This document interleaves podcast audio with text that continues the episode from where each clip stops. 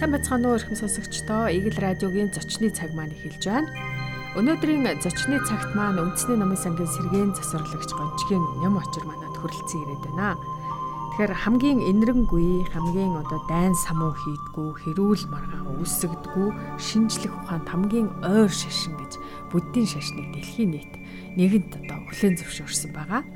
Хамгийн амар амгалангийн амар тайвны шашин гэж хүртэл одоо нэрлээд байгаа тийм ээ. Ер нь одоо дэлхийн Холливуудын одод гэдэг ингээд буддийн шашин руу шуурах, буддийн шашныг сонирхох бас урсгал улам бас нэмэгцээр байгаа дэлхийн нийтийн хэмжээнд.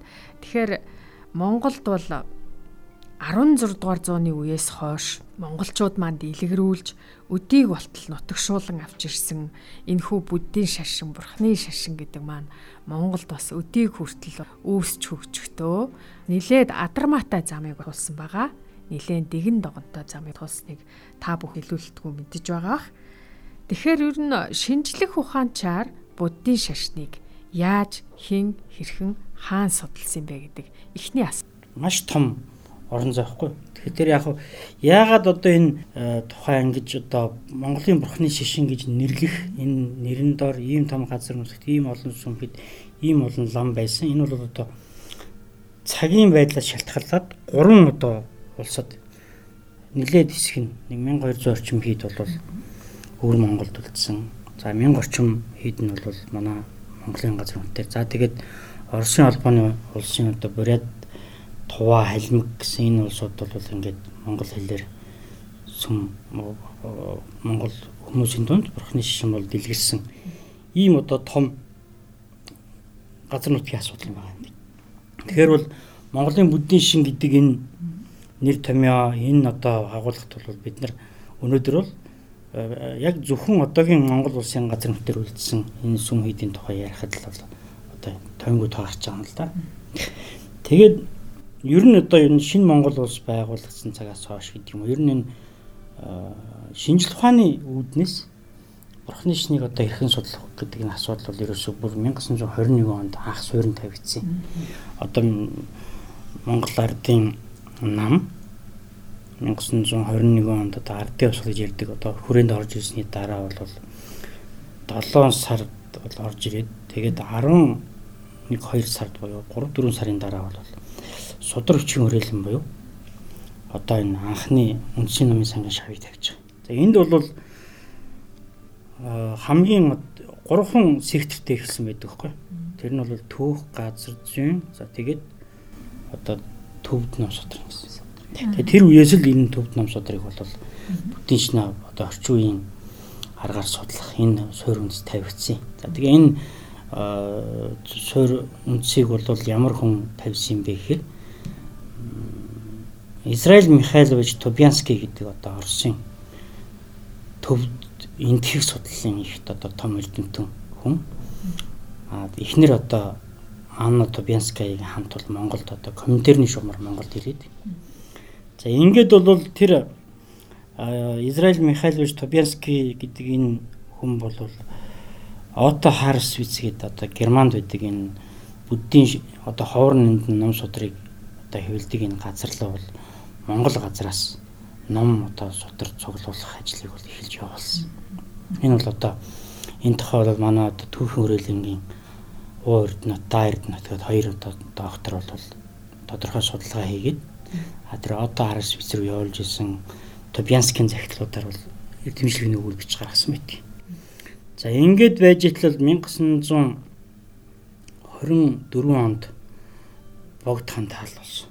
За ингээд Монгол улс чинь бол нэг цоо шин одоо улс байгуулж байгаа учраас коминтерний төлөөлөгч одоо Тобянский бол хэлээд за одоо энэ хааны одоо эдэлж хэрглэж байгаа зүйлүүдийг бол үндсэндээ ард түмэн дуудлага худалдаагаар зараад за ордныг нь бол одоогийн Богд хааны ордон музейг бол анх 1925 онд байгуулж байгаа. Анхных нь дарга бол Анна Тобянская гэдэг одоо энэ Израиль Михайлович Тобянскийн эхнэр ийм хүн байлаа.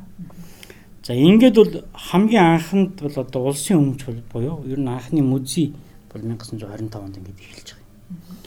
За үүний дараа 1937 онд бол хүрээнд бол их том хэмжээний одоо хүрээ 30 аймаг Улаанбаатар очин бол тэр үедээ дандаа юу байлаа сүм хүүдийн барилга байсан. Ингээд бол тэр сүм хийдийн барилгын доторх одоо ном судар бурхан тахлыг бол бүгдийг нь гаргаад ингээд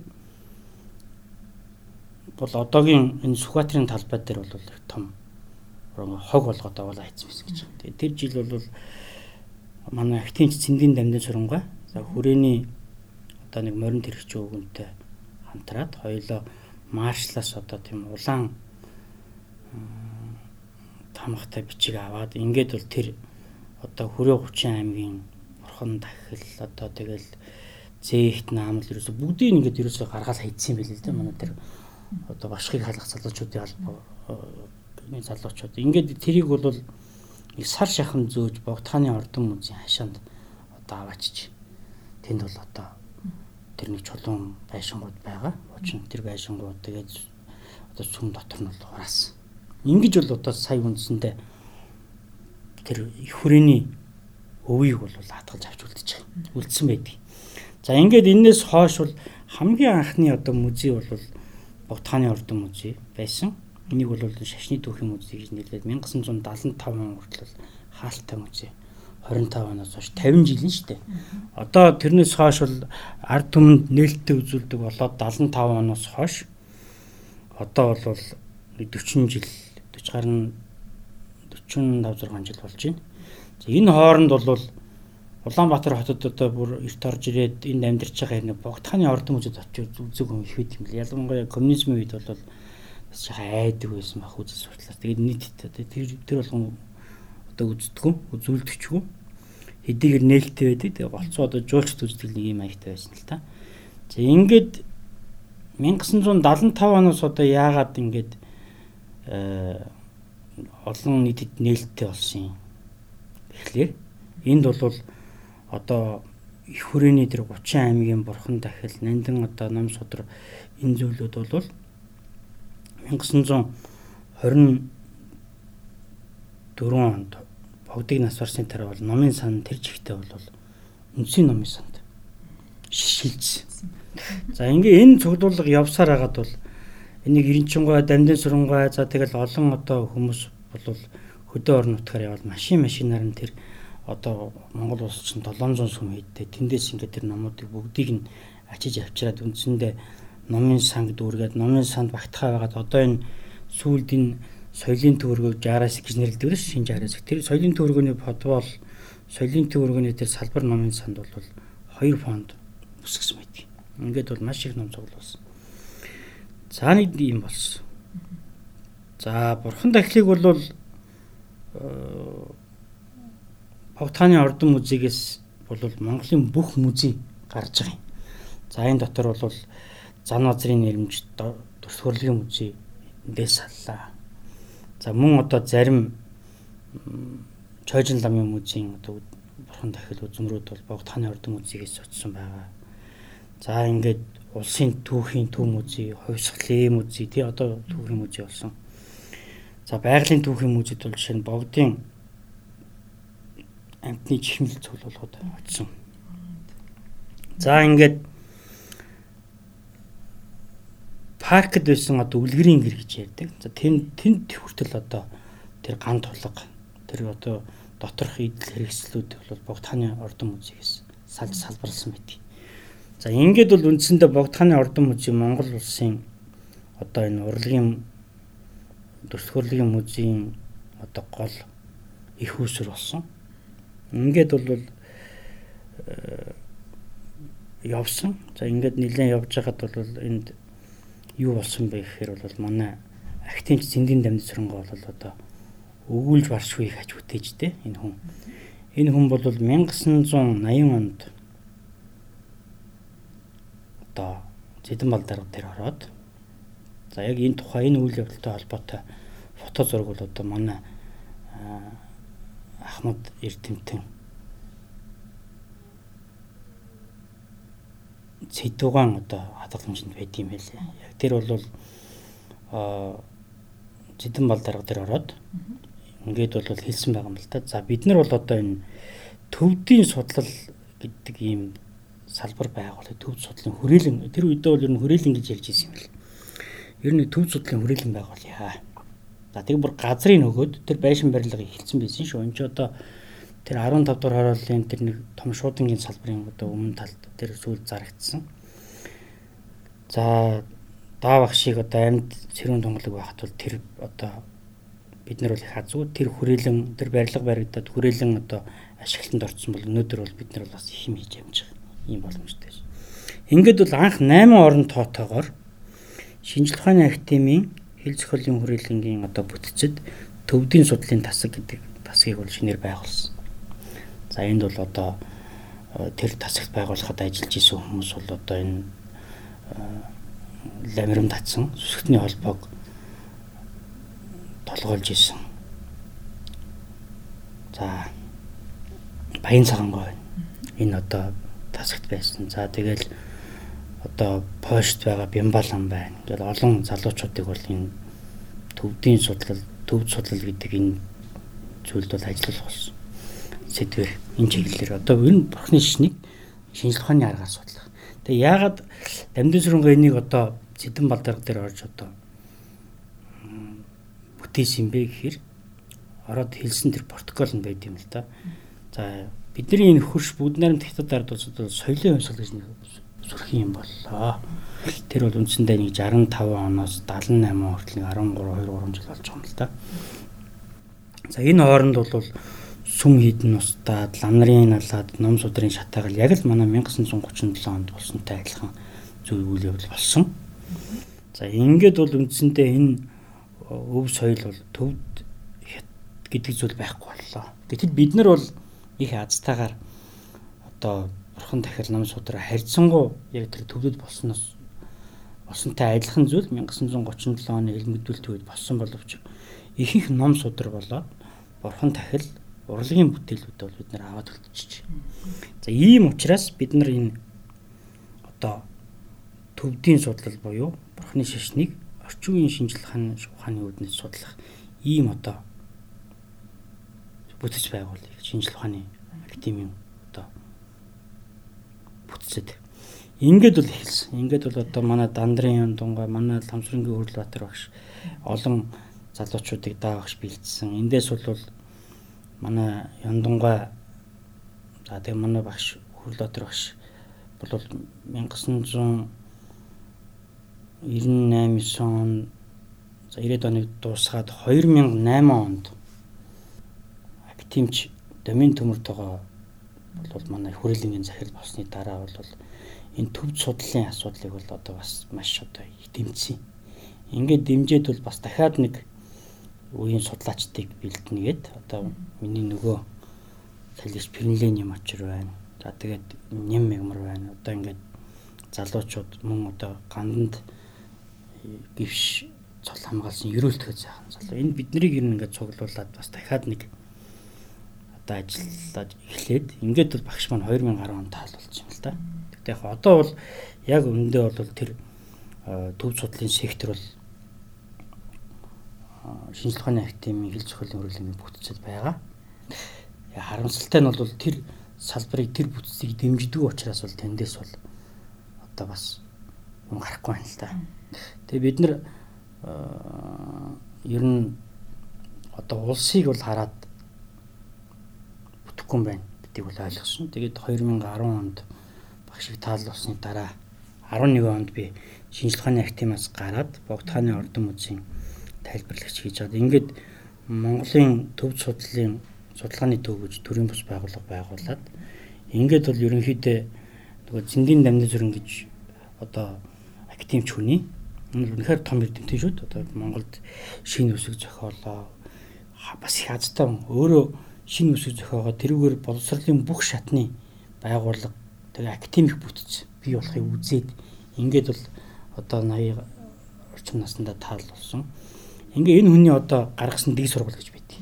За энэ хүн бол ямар дэг сургууль буюу арга зүй боловсруулсан юм бэ гэхээр ерөөсөө уран зохиолыг нь судлах замаар за энэ харанхуй дундад зун гэж хэлж байгаа 21 оноос 11 он 11 оноос урагшаа өндөргийн хүртэл энэ одоо цаг үед амьдарч исэн тэр Монгол намрын төвд хэлээр буюу дорн дахны одоо латин хэлээр эдийн шний одоо ухаанаар 10 ухаанаар бичсэн энэ номуудыг цуглуулъя, зохиогчдын бүртгэе. За тэр дотроосоо одоо бид нар чинь өөрсдийн уламжлалаас бас хэрэгтэйгээ авах тийм ээ. Ялангуяа энэ дотор бол ноён утгт данзаа харвж, өндөр гээний судалгаа төр бол одоо бас их хөгжсөн шалтгаан бол одоо яг энэ даах шинжлэх сургалттай холбоотой. Ингээд яваад аяанда бол урлаг бас урлагийн одоо маш том сан хөмрөг үлдсэн. За энэ сан хөмрөгийг бас судлах. За ингээд явсаар явсаар хагаад бол ер нь Чингис хаан ба Монголын бурхны шин гэдэг нэг ийм үр дүнд хүрнэ гэдгийг бол үндсэндээ даа дагш багш бол маш сайн мэдчихсэн. За тийм ч учраас бол үндсэндээ тэр дэг сургууль гэдэг зүйлээ бий болгоод өөрөө 1975 он тэр Монголын уран зохиолын тойм гэж цэнхэр хавцтай 1 2 3 дэвтэр ном гарсан. Энийний тэр 2 дугаар бот бол үндсэндээ даа багшин одоо энэ Монголын бурхны шнийг хэрхэн судлахын дундад зууныг одоо өөрсдийн өв соёлыг одоо хэрхэн судлах тэр арга зүйн бүтээл гэж үздэг. Одоо бидний манай дэг сургуулийн бол одоо барьдаг гол одоо сурагчиг бол тэр. За яг энэ номын дагуу энэ номон дээр иш татагдж байгаа энэ номын одоо судлагдхан болж даавах шин одоо бичсэн тэр бүх номуудыг бол ихээр нь одоо дараа үеийн уншигчдад тийм үү дараа үеийн одоо судлаач нарт бэлэн болох үднээс бид нар Монголын төв судлалын судалгааны төвөдөг байгууллага байгуулад сүүлийн нэг 10 жилд 30 40хан номер хийгээ явж байна. За мөн одоо завсар нь бол энэ богд судлал буюу Жавзан дам хотогт. За тэгээд энэ Монгол залгацын 8 богдуудын тус бүрийн намтруу тэр хүмүүсийн одоо тэр алхын соёлд үзүүлсэн, улс төрд үзүүлсэн, түүхэнд үзүүлсэн тэр үүргүүдийг тусгайлан судлах бас нэг юм цувралгаагаад ингээд ажиллаж байгаа юм. Тэгээ эндээс бол одоо одоо нөгөө дигс энэ бол шинжлэх ухааны дэг сургууль шүү дээ. Одоо бид нэр 3 дахь үе дээр явж байна. Тэгээд даа багш бол одоо яг хэлсэн тэр тооцоолж ирсэн л үнэн байт юм л да. Ер нь энэ Монгол төвдийн бурхны шашныг одоо шувууны хоёр жигүүр гэж үздэг. Тэгэхээр яг Монголд одоо дэлгэрсэн энэхүү бурхны шашны онцлог нь Монголын бүдийн шашин юугаар онцлог? Манай Монголын бурхны шашны онцлог бол үндсэндээ Чингис хааны тахилга болоод Чингис хааны дахин төрүүлэх гэсэн ерөөсөө л энэ зорилгоор бол одоо дэлгэрсэн байна гэдэг нь бол одоо судалгааны явцад харагддаг юм. Яагаад тэгж харагдаж ийн нөхөр ерөөсөө Хувлаа хаан Пагвал амтай анх уулзаал тэгээл нууц сарны номыг дэлгэрүүлсэн тэр үеэс эхлээд.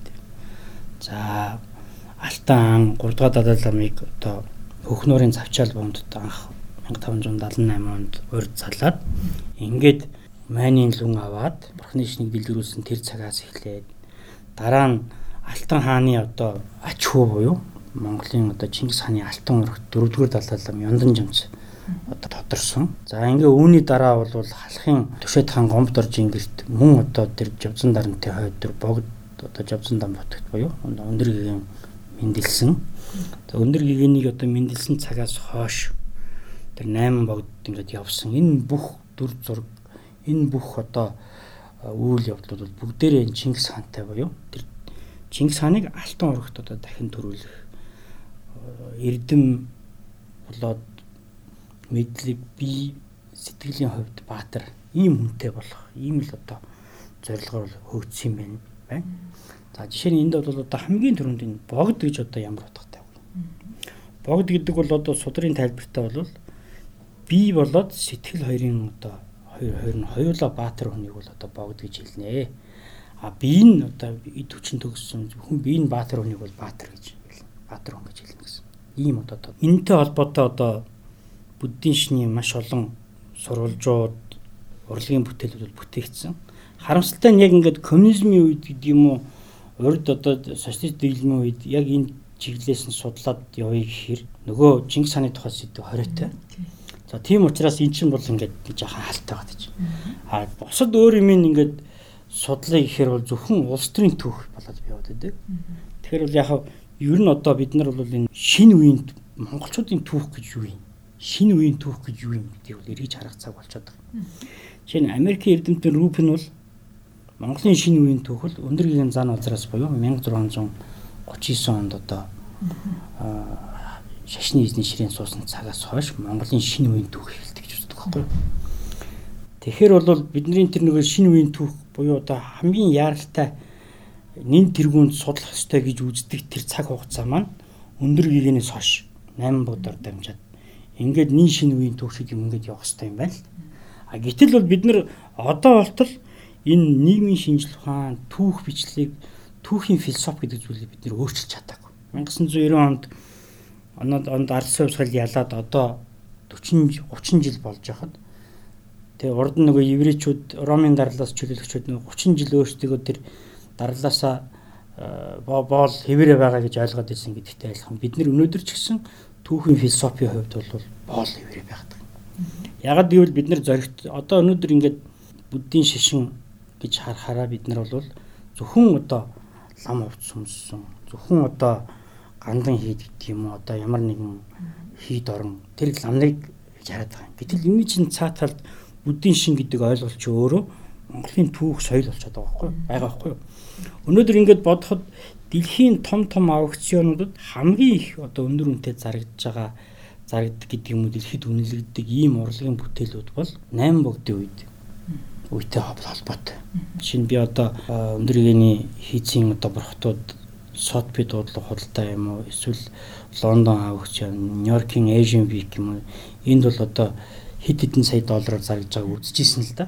Гэтэл өнөөдөр 21 оноос хойш шинэ үеийн одоо зураачд уран бүтээлчдийн дунд бол дэлхийд дээр тийм өндөр үнэтэй үнэлэгдэх одоо тийм урлагийн бүтээл одоохоно төрөөг байна. Тий. Яагаад ийм байна вэ гэхээр дэлхий бол биднийг юугаар хаад ирнэ гэхээр энэ хүмүүс бол биднийг буу зэвсэг хийгээд хийж яхад энэ хүмүүс бурхан хийж ирсэн. Урлагийн бүтээл хийж ирсэн. Өөр дэг соёлтой, өөр соёл иргэншилтэй. Энэ бол тодорхой бие даасан мэдлэг гэдгээр бол хараад байгаа байхгүй.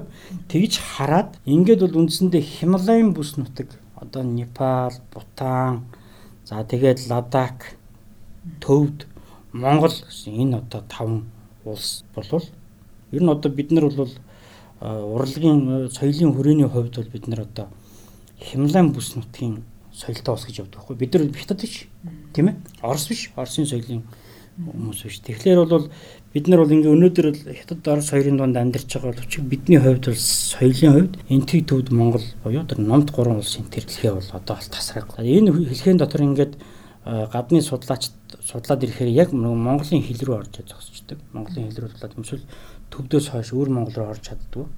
Ингээд ар Монгол руу орж чаддаг. Ер нь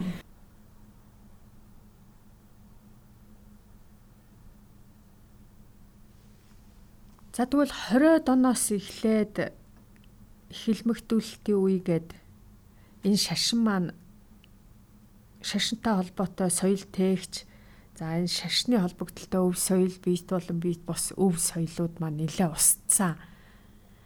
За үүнд бол халаглан харамсах хүмүүс одоо бас гарч ирж байгаад бол би бас их баяртай байна. За одоо ноднон билүү тэр Парисын дарихийн сүм шатхад дэлхийн нийтээрээ баг уулгалдаж өста хайр юм хайрын түүх соёлын дурсгал гэж бараг зүрх шимширэн харж исэн. Энийг харахаас их тийм таата мэдрэмж бол төрөөгүй лавтай. Тэгээ үүний адил за тэгвэл одоо Монголын шашин соёлын тэр өв соёлууд маань далд байгаад ах юм уу? Ил гарч одоо бас соён гэгэрүүлэх үйл ажиллагаа нь дэлгэрэх ёстой юм уу? Энэ талаар одоо ярьж өгөөч.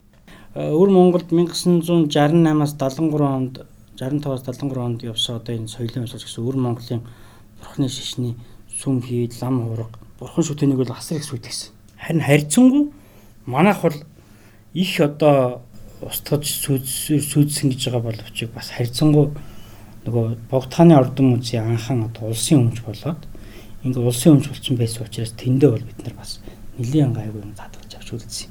Тэгэхээр бол өнөөдөр бурхны шашинд гэх юм уу бурхны шашны урлагт зүгээр нөхөн өлгөр олгосон гэж ойлгоё л да тийм үү.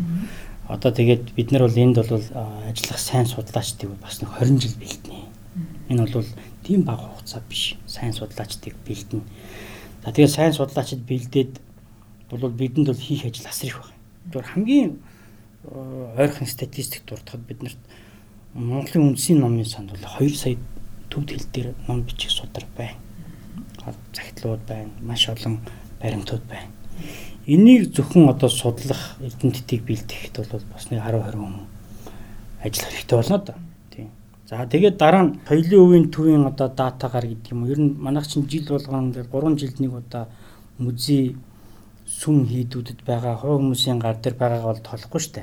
Зөвхөн улсын одоо хадгаламжинд байгаа орон нутгийн сүм хийдүүд аймгийн музейнүүд за тэгээд орон нутгийг судлах музейнүүд орон нутгийн одоо өмчтэй сүм хийдүүд бас цөөхөн цөөхөн тэгтээ бол бас байна. Ингээд Улаанбаатар хотод байгаа болоод том охон одоо сүм хийдүүд байгаа борхтыг бүгдийг бүртгэдэг энэ сангаас үзэх юм бол бидэд нэг 40 мянга орчим танка зураг байна. Энэ дандаа урлагийн бүтээл тийм үү. Нөгөө Монголын газар нутгаар нөгөө одоо тэр мянга орчим үлдсэн энэ сүм хийдээс хөрс хийдэд бүтээгдсэн бидний өөрсдийн өвөг дээдсийн бүтээсэн урлагийн бүтээл баггүй. Энэ урлагийн бүтээлүүд дотор бол нэг 40 орчим мянган танка зураг за баг 7 8 мянган цутгуур болоод хөөмөл борход зээгт наамлууд маш олон олон урлагийн бүтээлүүд байна. Бид нар энийг судлах. За тэгээд энэ судалсан судалгаанд бид нар англи хэл дээр буюу дэлхийн соёл хүн төрөлхтөнтэй хуваалцах хэрэгтэй. Ингээд энэ дээр бол бүхэл бүтэн институт ажиллах хэрэгтэй болж байгаа. Бид нар бол энэ тэнд доочин цоочин одоо ажиллах биш Ингээд бол мэрэгжлийн судлаач нар хэрэгтэй болж байгаа. Ингээд үндсэндээ бид нар одоо энийг судалж яах гэдэг. Хүмүүс л тэгж асууад байдаг. Нэгэнт одоо устдсан байхгүй болсон юм соёлыг. Энэ бол тийм биш ээ. Жишээ нь бол одоо 2000-аад оны ихээр одоо Европт аюул одоо үзэжлээсэн баг. Германд жишээ нь Австрид, Америк, Чингис хаан гэж одоо маш том үзэсгэлэн. Тэгсэн гарсан. Тэгээ энэ үзэсгэлэн бол дэлхийгээр тойрсон куратор ажилласан. Ленинградын э, нөгөө Эрмитаж гэдэг Монголтой холбоотой нөгөө бүх э, үзэгнүүд чи Герман Австраар тойрч гарсан. Тэ. Монголын эхний хаан гэдэг Чингис хаан гэдэг үзэсгэлэн өнөөдөр ч гэсэн ингээл Эрмитаж ч одоо манай холбогдолтой. Манахаас ол юм хадгалж шít. Тийм. Одоо чин тэр өнгөрсөн сард онд ихэл тэр Францд одоо тэр үзье. Монгол гэсэн нэр хэрэглэхгүй бол бид нар энэ Чингис хааныг бол өөрсдөө хийнэ гэдээ хятадас татгалзаж шít. Тэгэхээр бол бид нарт бол энэ Чингис хааны өв бол дэлхийгээр нэг байна. Түүнтэй адилхан бидний өвөг дээдсийн бүтээсэн одоо 8 богдын үед бүтээсэн энэ Монголын бурхны шишний шашны судлаад тэрүүгээр хичээллээд бүтээсэн энэ бүтээлүүд бол бас бүгд устдад алга болсон зүйл бас биш. Дэлхийгээр нэг тардсан байна.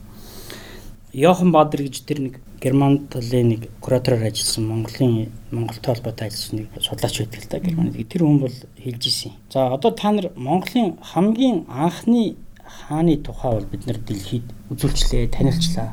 Одоо та нар Монголынхаа хамгийн сүүлчийн хаан буюу 8 дугаар уудын өвөө та нар одоо үзэсгэлэн болгоод баруунд одоо аваачих юм бол энэ одоо яста маш олон хүмүүс ийм шууган тарина. Тэгэхэд бол ч одоо тэр үзэсгэлэн хийхийн тулд чи эхлээд бид нар Монголдо буддийн шний музей байгуулах хэрэгтэй. Одоо чинь бид нар бол би түрүү хэллээ шүү дээ тийм ээ. Богдхааны ордон музей бол шашны төвхийн музей нэртэй хаалтай музей байсан. 1925-аас 75 хүртэл 50 жил хинч ордог байсан. За тийм ч учраас одоо бас ингээд гайгүй танагтай үлдсэн шүү. За тэгээд үндсэндээ бол бид нар Монголын бурхны шний музей гэж тусна л одоо музей барих хэрэгтэй баха. Ер нь одоо тийм барьж байгаа ч гэж ойлгоод одоо чинь энэ богдуулын өвөрт одоо тэр майдер гэдэг нэг том бурхан бүтээж ин тэрний ард байгаа энэ 8 давхар барилга бол үндсэндээ би буддийн шний музей болох юм байна гэж би ойлгоод байгаа шүү дээ. Тэгэхээр бол бид нар бол тэр одоо Монгол улсад хадгалж байгаа хосгүй үнд бүтээлүүдийн 70 орчим хувь нь богдхааны ордон улсад одоо ч их хадгалж байна хүмүүст үзүүлдэг үзүүлэх боломжгүй дэлгэх зай талбайгүй тэр бурхтыг бол бид нар эхлээд бол өөрсдөө музей болгож дэглээд за тэндээсээ одоо нүүдлийн үзэсгэлэнгүүд виртуал одоо үзэсгэлэн гэж одоо хийдэг боллоо тийм ээ.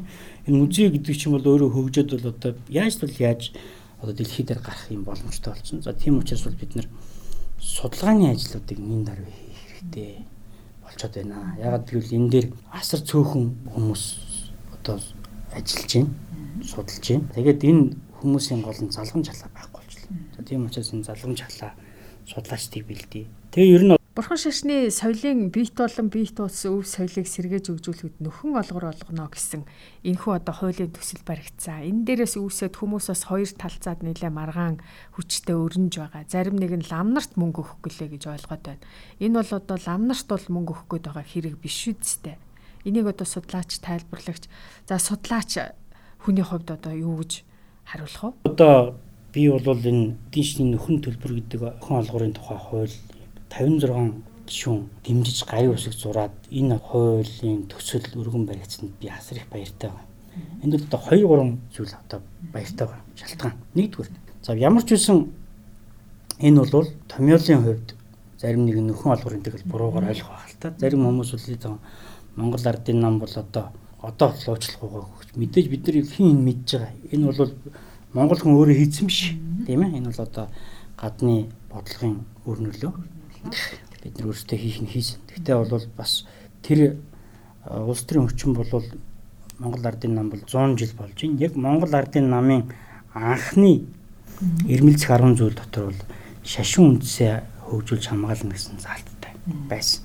Харамсалтай нь бол одоо яг тэр заалтаа бол ерөөсөө хэрэгжүүлээгүй. 100 жил ийм одоо ой гэдэг бол Монголын үнд зүйл сүсэг бишвэл ёс суртахууны эсрэг засагсан 100 жил. Өнөөдрийн одоо энэ э, ёс зүйн хямрал хямралын шалтгаан ч бас үүнтэй холбоотой. Тэгэхээр бол ямар ч байсан улсын хурлын 76 гишүүний 56 80% нь за бүдийн шишний чиг баримжаатай буюу аа бүдийн шишний чиг баримжаатай буюу ер нь бүдийн шишнийг бол дэмжиж байгаа юм байна гэдгийг бол би хараад маш их баярлсан. Нэгдүгээр.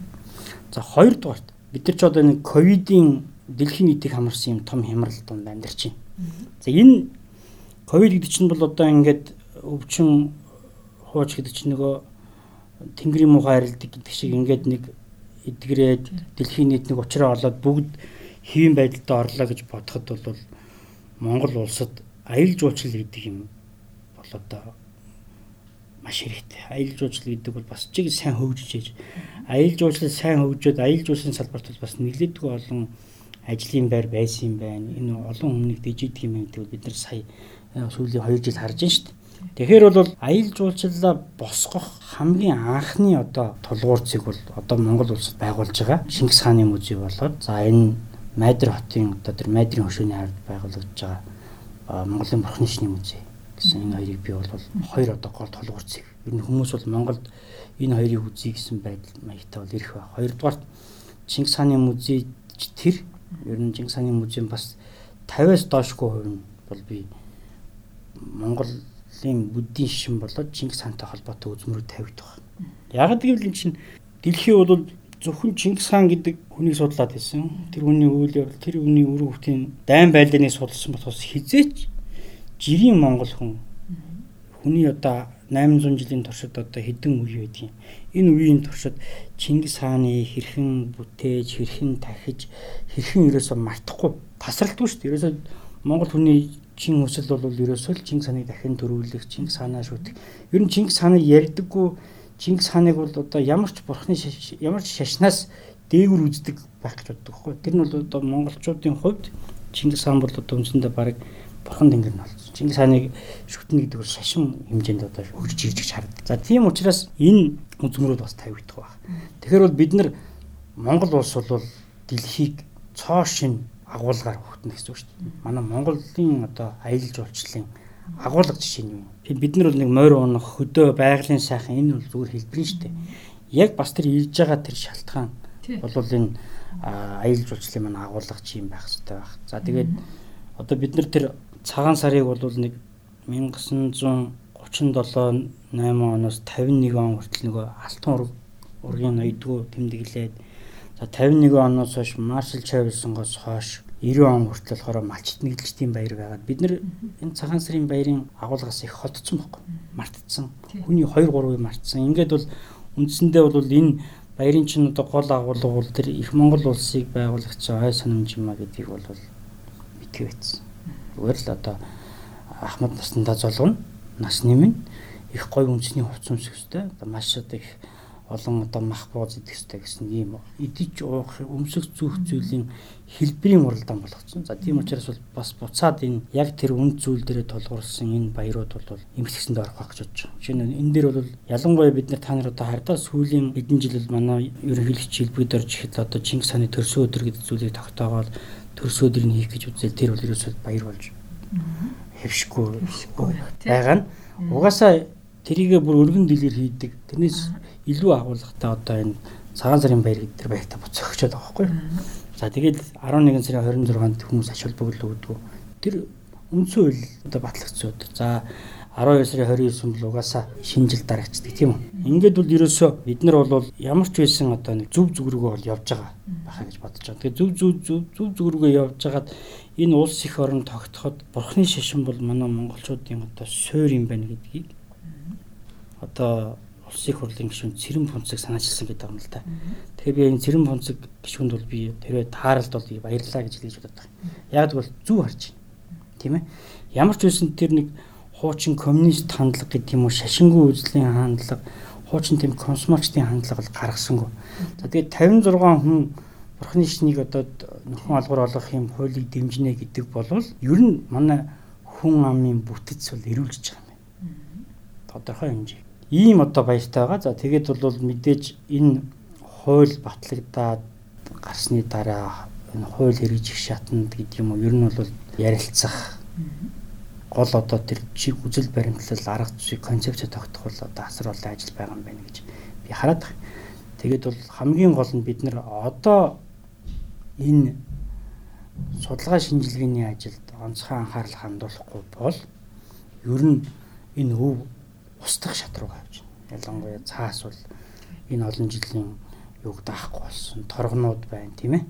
За тэгээд дээрэс нь бол энэ Монгол улсын одоо гадаадд яг өөрсдийн буддийн шинтэй холбоотой, Чингис хаантай холбоотой гадаад сурталчилгаагаа хийхэд бол ерөөсөө л одоо энэ цам майдэр тэр шашны тэр олон арга хэмжээнүүдийн нэг тийм тогтмол төгөлдөр болохгүй бол ганцхан одоо зүүн хүрээ гэдэг газар өөрийнхөө ёсоор хийгээд гандан гэдэг хийгээд тэг зөвлөдөө яг өөртөө хэр явж байгаа шүү. Гэтэл бол үндсэндээ нөгөө нэгдсэн нэг тийм бодлого, нэгдсэн үзэл баримтлал одоо боловсруулах тийм одоо цаашдаа бүдгийн шин яаж өгч юм гэдэг тийм үзэл баримтлал боловсруулахад энэ одоо хөрөнгө бол зайлшгүй шаардлагатай юм.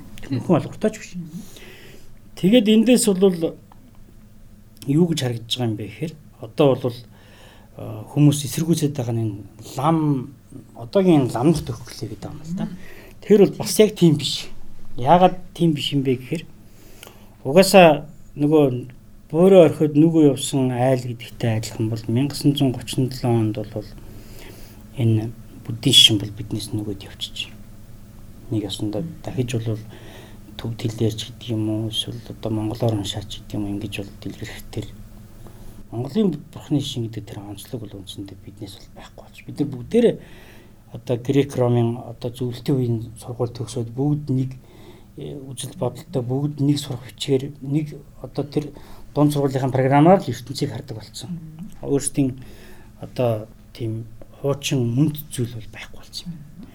Тэгэд одоо шинээр бол яаж харагдж байна вэ гэхээр манай одоо залуучууд ингээд 90 оноос хойш хил гайл нээлттэй болоод дэлхийгээр ингээд яваад очих зэрэг бол очиж байгаа газрын хүмүүс аа монголчууд бол бурхны шинтэй гэж үзээд бурхны шинтэй хүн гэж хандаад бурхны шишинтэй хүн гэдгийг өөрт нь одоо хандаад байдаг. Тэгэхээр нөгөө хүн чинь бол а би бурхны шишнийг бол судлахгүй бол болохгүй юм байна гэд англи хэл дээр одоо англи хэл гэдэг чинь бол одоо дэлхийн хүн амын тэн хагас нь уншиж байгаа. Тэнд бол нэг ном хэвлэхэд хэдэн саяар хэвлэгддэг.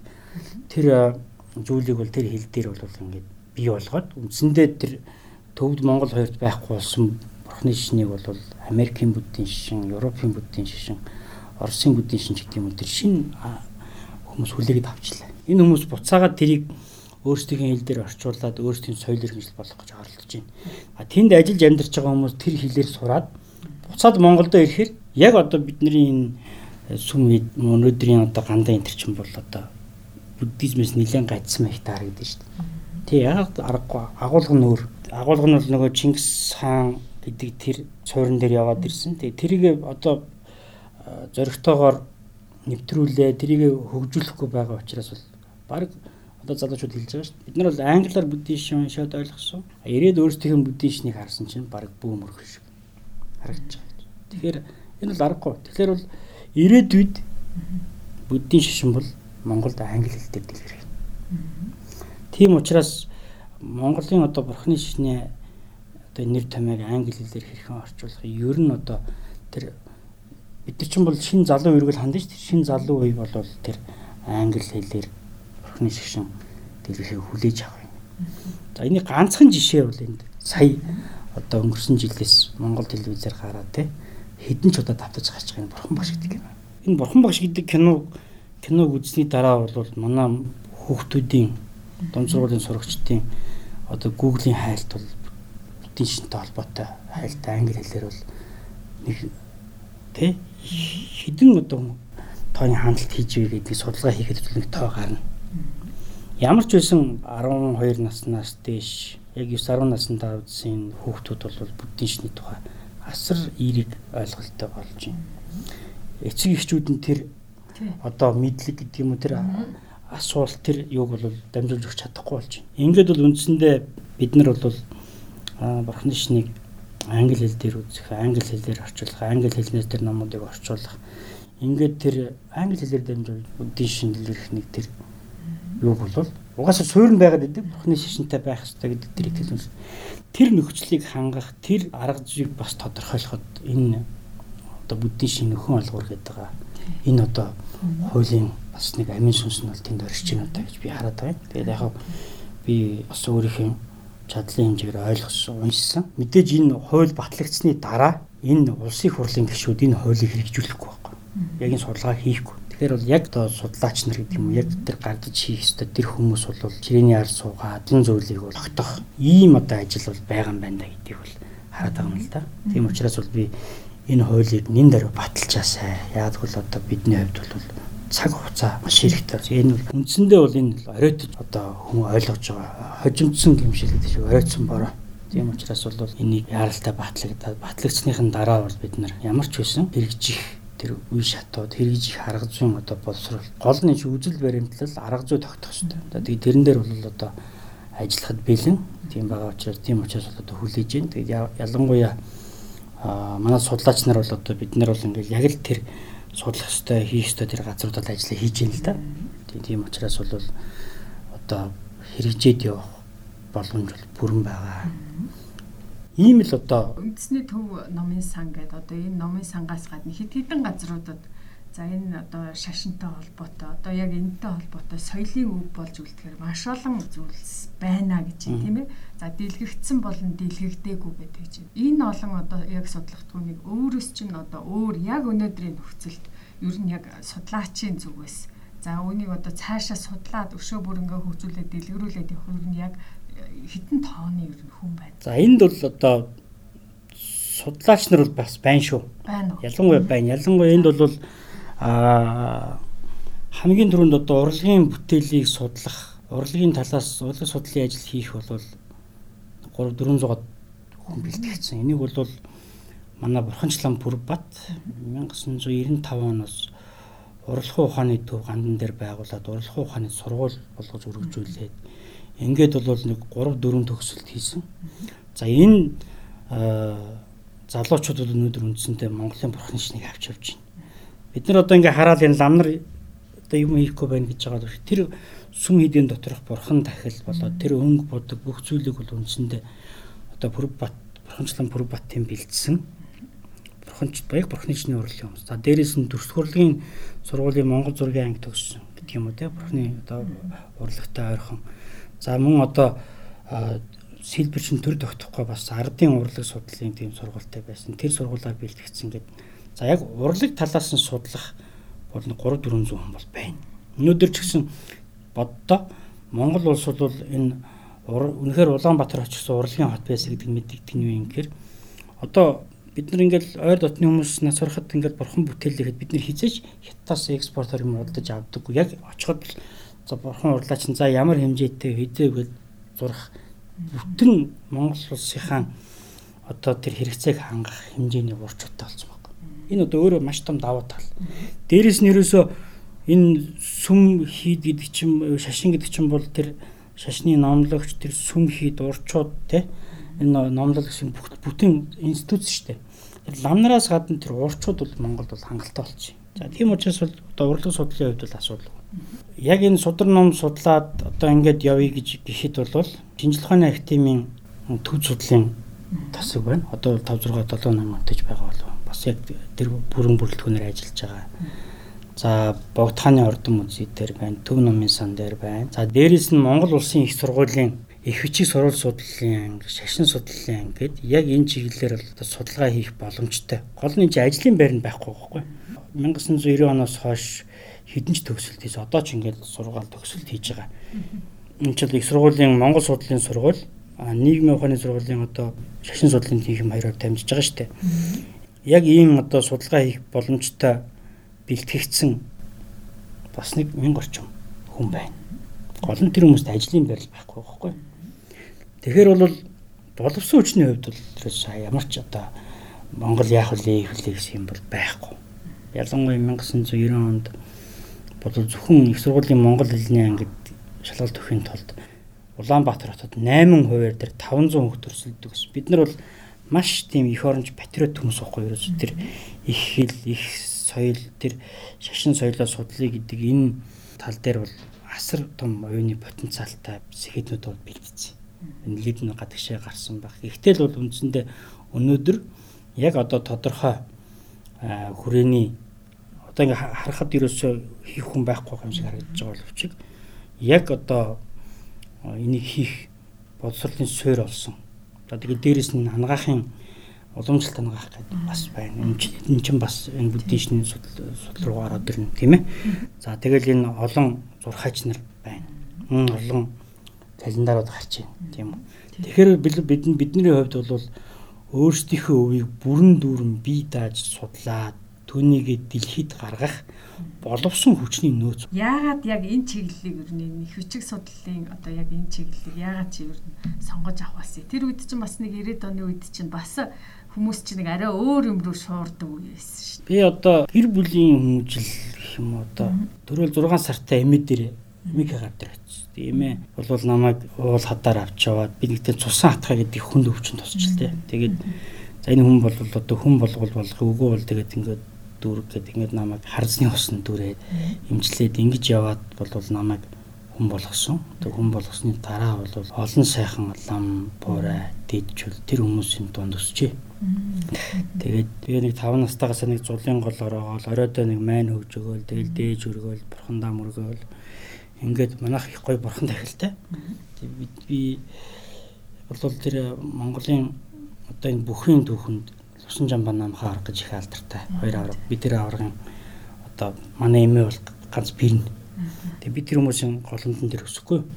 За тэгэл одоо маш олон ном судартай, бурхан тахилтай байсан. Ягаад тэгэхээр нөгөө хэдийгээр ингээл соёлын довтлогоо яваал юм уу хэлмэгдүүлэлт яваад боллоо ш нөгөө монголчууд бүхтэй хайртай. Тэгээд тэр хөгчүүдийн одоо тэр өвийг бас нэг хайх тэр хөндсөнгөө шүү. Тэгээд тэгээд тийм гэр бүл имээтэйгээ нэг хөмөрсөн шаазан шиг нэг юм таван хамтаа гэрт хойлохнаа ингээд би 18 нас хүртлээ. Митинг хамт ингээд өссөн. Тэгээд тэр хүн маань бол бурхны шишин хайртай хүндэтгэлтэй ханддаг юм хүн болгож хүмүүжүүлэхгүй. Тэгээд би ч бид нар бүгдээр л адилхан шүү. Бүгдээрээ би 13 дугаар сургууль сурсан. Яг л бустайгаа адилхан. Гэвчиг бол одоо яг энэ эмээгийн сургууль, эмээгийн одоо ертөнцийг үзэх үзэл төлөвшүүлсэн. За тэгээд би уг нь бол яг математикийн чиглэлийн юм уу тийм хүн болно даа гэж боддог байсан. Тэгээд манай эмээ нас ороод тэг эмээ нас орохтаа бол нэг диважинд би одоо очиж төрнө гэж ярьдаг. Тэгээд бид тэр диважинд очоо болоо үгүй болоо гэдгийг нь судлаа гэж бодоод ингээд бол би 18 настай ламсрангийн хөрлөтөр багш тэр. Очоод би тэр Жамин гаргийн сургуулиудад сургууль төгссөн. Багш тэнд хичээл заасан. Тэгээд тэр сургуульд орох. Тэр үед анхны хувийн сургуулиуд одоо эхэлж исэн. Ингээд бол энэ чиглэл рүү орсон. Тэгээд ороод явж дундаа бол буддизмын чиглэлийн тэр одоо контент үйлдвэрлэх судалгаа, судалгаагаа одоо инновац болгоод контент болгох гэдэг юм. Ийм тал руу өөрөө сонирхолтой болохоор ингэж яваад Тэгээд тэр нь одоо бас тэр судалгаанд орон өгд юм уу? Яадаг ингээл явж байгаа хүн л дээ. Тэгээд шинжилгээ ухааны активд багш бол 2008 онд аваадсан. Тэгээд ер нь миний одоо ажилласан газар Госол үндэсний номын сан, Богдхааны ордон музей, шинжилгээ ухааны актив гэдэг дандаа яг энэ чиглэлийн одоо судалгаа хийх байгууллагууд хийдэг байгууллагуудад л ер нь ажилласан. Тэгээд ер нь гол нь бол ер нь номын сан да. Номын санд бол би одоо яг үнэндээ 24 жил сууж ном.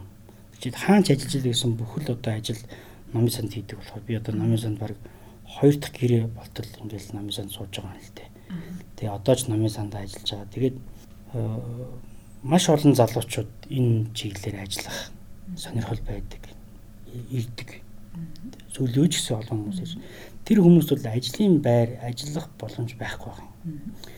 А бас олон одоо тэр урлаг соёлын үүдийг бол хинт ч үзүүлдэггүй, судлах судлах боломж нь гардггүй судлах одоо яг ажлын байр нь улсад бас байхгүй байгаа. Тийм болохоор бол одоо энэ өхөн олгор гэдэг асуудал бол үндсэндээ өөрсдийнхөө өвийг судлах асуудал шүү дээ. Энэ дээр бол одоо олон хүн дэмжээсээ олон хүн дэмжүүл одоо бас энэ их хурлын урах хурл сууж байгаа хүмүүс бол бас энийг одоо ойлгох байх. Тэг ингээ олонхын саналаар олонхын дэмжлэгээр одоо ирж байгаа жуулчд ер нь Европод байгаа улсад энэ буддийн шашныг их сонирхдаг юм шиг надад санагцсан. Аа тэгээд Монголд ирсэн хүмүүс ер нь гаднаас одоо ирсэн хүмүүс ер нь манай энэ сүм хийдүүдийн одоо тойр одоо манайхын ер нь бараг л нэг тойр байдлаар одоо балгас маягаар л ер нь бараг л байлах гал биш шүү дээ тийм ээ? Цогтын цагаан балгас өдр гэдэг шиг л одоо иймэрхүү одоо энийг л ер нь үзэх гэж энэ хүмүүс бас хийдэг юм байна шүү дээ. Гэхдээ ер нь тэр хүмүүс ч юм бол тойр юм уу балгас үзэх гэж ирж байгаа хэрэг биш байхгүй. Монголын бурхны шишин гэдэг бол бүр ерөөсөө би даасан үзүүлэх юм нь одоо тэрл болчиход байгаа байхгүй тийм би даасан одоо төрөл байхгүй уран барилгын үед Монгол гэр хэлбэртэй одоо энэ зүүн хүрээ байна тийм үү за тэгээд Эрдэнэзуу бол хуучин хар ойрон хот гэдгээр дэлхийн нийслэлсэн гэдгээр хүмүүс маш их сонирхол. За Улаанбаатар хот бол ерөөсөө Дүрс хурлын музей, Чойжин ламын музей, Богдхааны музей гэсэн энэ гурван музей үүсдэг. За зарим илүү сайн мэдээлэлтэй хүн бол дам даржаа хийдэг үзэх хэрэгтэй. За зарим нэг нь бол манчин хийдэг үздэг. Ерөөсөө ингээд үздэг гол одоо таван үзмэрний 9 хүн болгон үздэг. За тэгээ нэмээд бол яг сүүлбэр содоо юм сонжин болдог үзэж байна. За хөдөө бол хар ойрон үзнэ. За амар эсгэлэнт үзнэ. За ингээд ер нь дуусч байгаа манай. А яг Улаанбаатар жуулччин бол ингээд ирээд завтай зайтай ингээ машинаар яваад үзүүлэх харуулах юм бол хийе гэвэл одоо үндсэндээ яг одоо Улаанбаатар хот бол энэ таван газар байна. За ингээд зүүн тийшээ гарахаар цонжин болдог. За уулынхаа өөрт бол майдэр хот буюу одоо энэ бүтээшний төвийн үзий байгаад ингээд нисэх онгоцны буудлаа дамжаад ингээд явхад бол дид бүтцтэй тэр жуулчд бол бас одоо хоол хүнс тэр жуулчны нөхцөлийг бол бүрэн хангаад ингээд явах бол бас юм боломж харагдаад байна. За тийм учраас бид нар бол ямар ч үсэн одоо энэ тэр хүмүүс ярьд юм л да одоо энэ төслийн удирдахч бол одоо сайн хүн муу хүн ерөнхийлөгч одоо маяа энэ гэл. Надад бол юу нь илүү чухал харагддаг юм бэ гэхээр энэ бол одоо нэгдүгürt бодиттой ажил болоод гарцаагүй ажил нь явж байгаа үр дүнгээ ойрын хугацаанд урт хугацаанд өгөх Монголын аял жуулчлалын нэлээд одоо сонирхолтой объект тийм үү? Олон жуулчин татна гэдэг тэр өнцгөөс л харал та. Эдийн засгийн өнцгөөс харъя. Тийм. Тэгээд энд тийм боломжууд байгаа гэдгийг хар. Энэ боломжуудыг хэн хийсэн? Хэн чигээгүй? Энийг хэн хийх зөвхөн Монгол хүмүүс л хийн. Тийм болохоор бол би ажил бүтээсэ. Энэ ийм штэ өвөр Монголын үндсийн номын сан шин байранда нүүхийн тулд 10 жил нүүсэн байхгүй. Одоо ч одоо бүрэн ороог байгаа. А өнөөдөр бид нар ингээд Монголын үндсийн номын сан шин байшинтай болоод шин байртай болоод бид нар бол ингээд орлоо гэж бодоход бол бас энэ нэлээд урт хугацаа шаарддаг. Тэгээд энэ манай Монголын үндсийн номын санд бол үнт ховор номын музейгээ сайхан музей байна л да. Энэ музей хэдийгээр ингээд жуулчдын одоо тэр маршрутанд ороогүй боловч жижигхэн музей.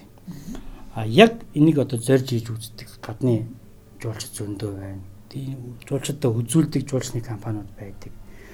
Тэгэл ингээд үзэхэд бол үндсэндээ манай Монголын үндсийн номын сан ч өөрөө уран барилгын музей. Ингээд бидэнд бол ерөөсөө асар их боломж байгаа маа. Энэ Монголд ирээд тэр явж байгаа тэр жуулчин хүмчэнд тэр нөгөө мөнгө өрөх юм байхгүй. Одоо шин бид нар музейг үнэгүй болгож байгаа. Музей яг тэ манай Европч гэсэн бас тийм л дээ. Одоо тэр 18 нас хүртэл гэдэг юм уу 25 нас хүртэл гэдэг юм уу хүмүүсийг тэр урлагаас холдуулахгүй тулд музейг үнэгүй болгосон тийм газрууд бий.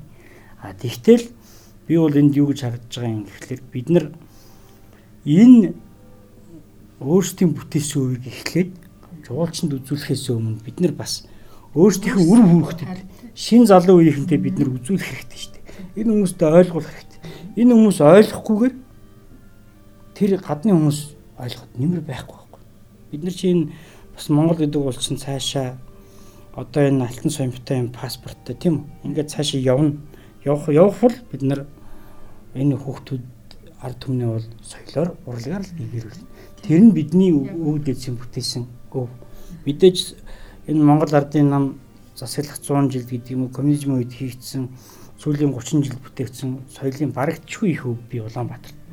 Тэгтэл энэ дотроо бол хамгийн одоо гадуурхалдаад хуучин гэдэг дадлагдаад гэдэг юм аа тоохгүй тоосон дараад хийж байгаа. Хувьд бол өөрсдийнх нь хувьд тийм. Ийм одоо асар их өв байгаа. Энийгээ л ил гаргая, энийгээ судалж гаргая гэсэн.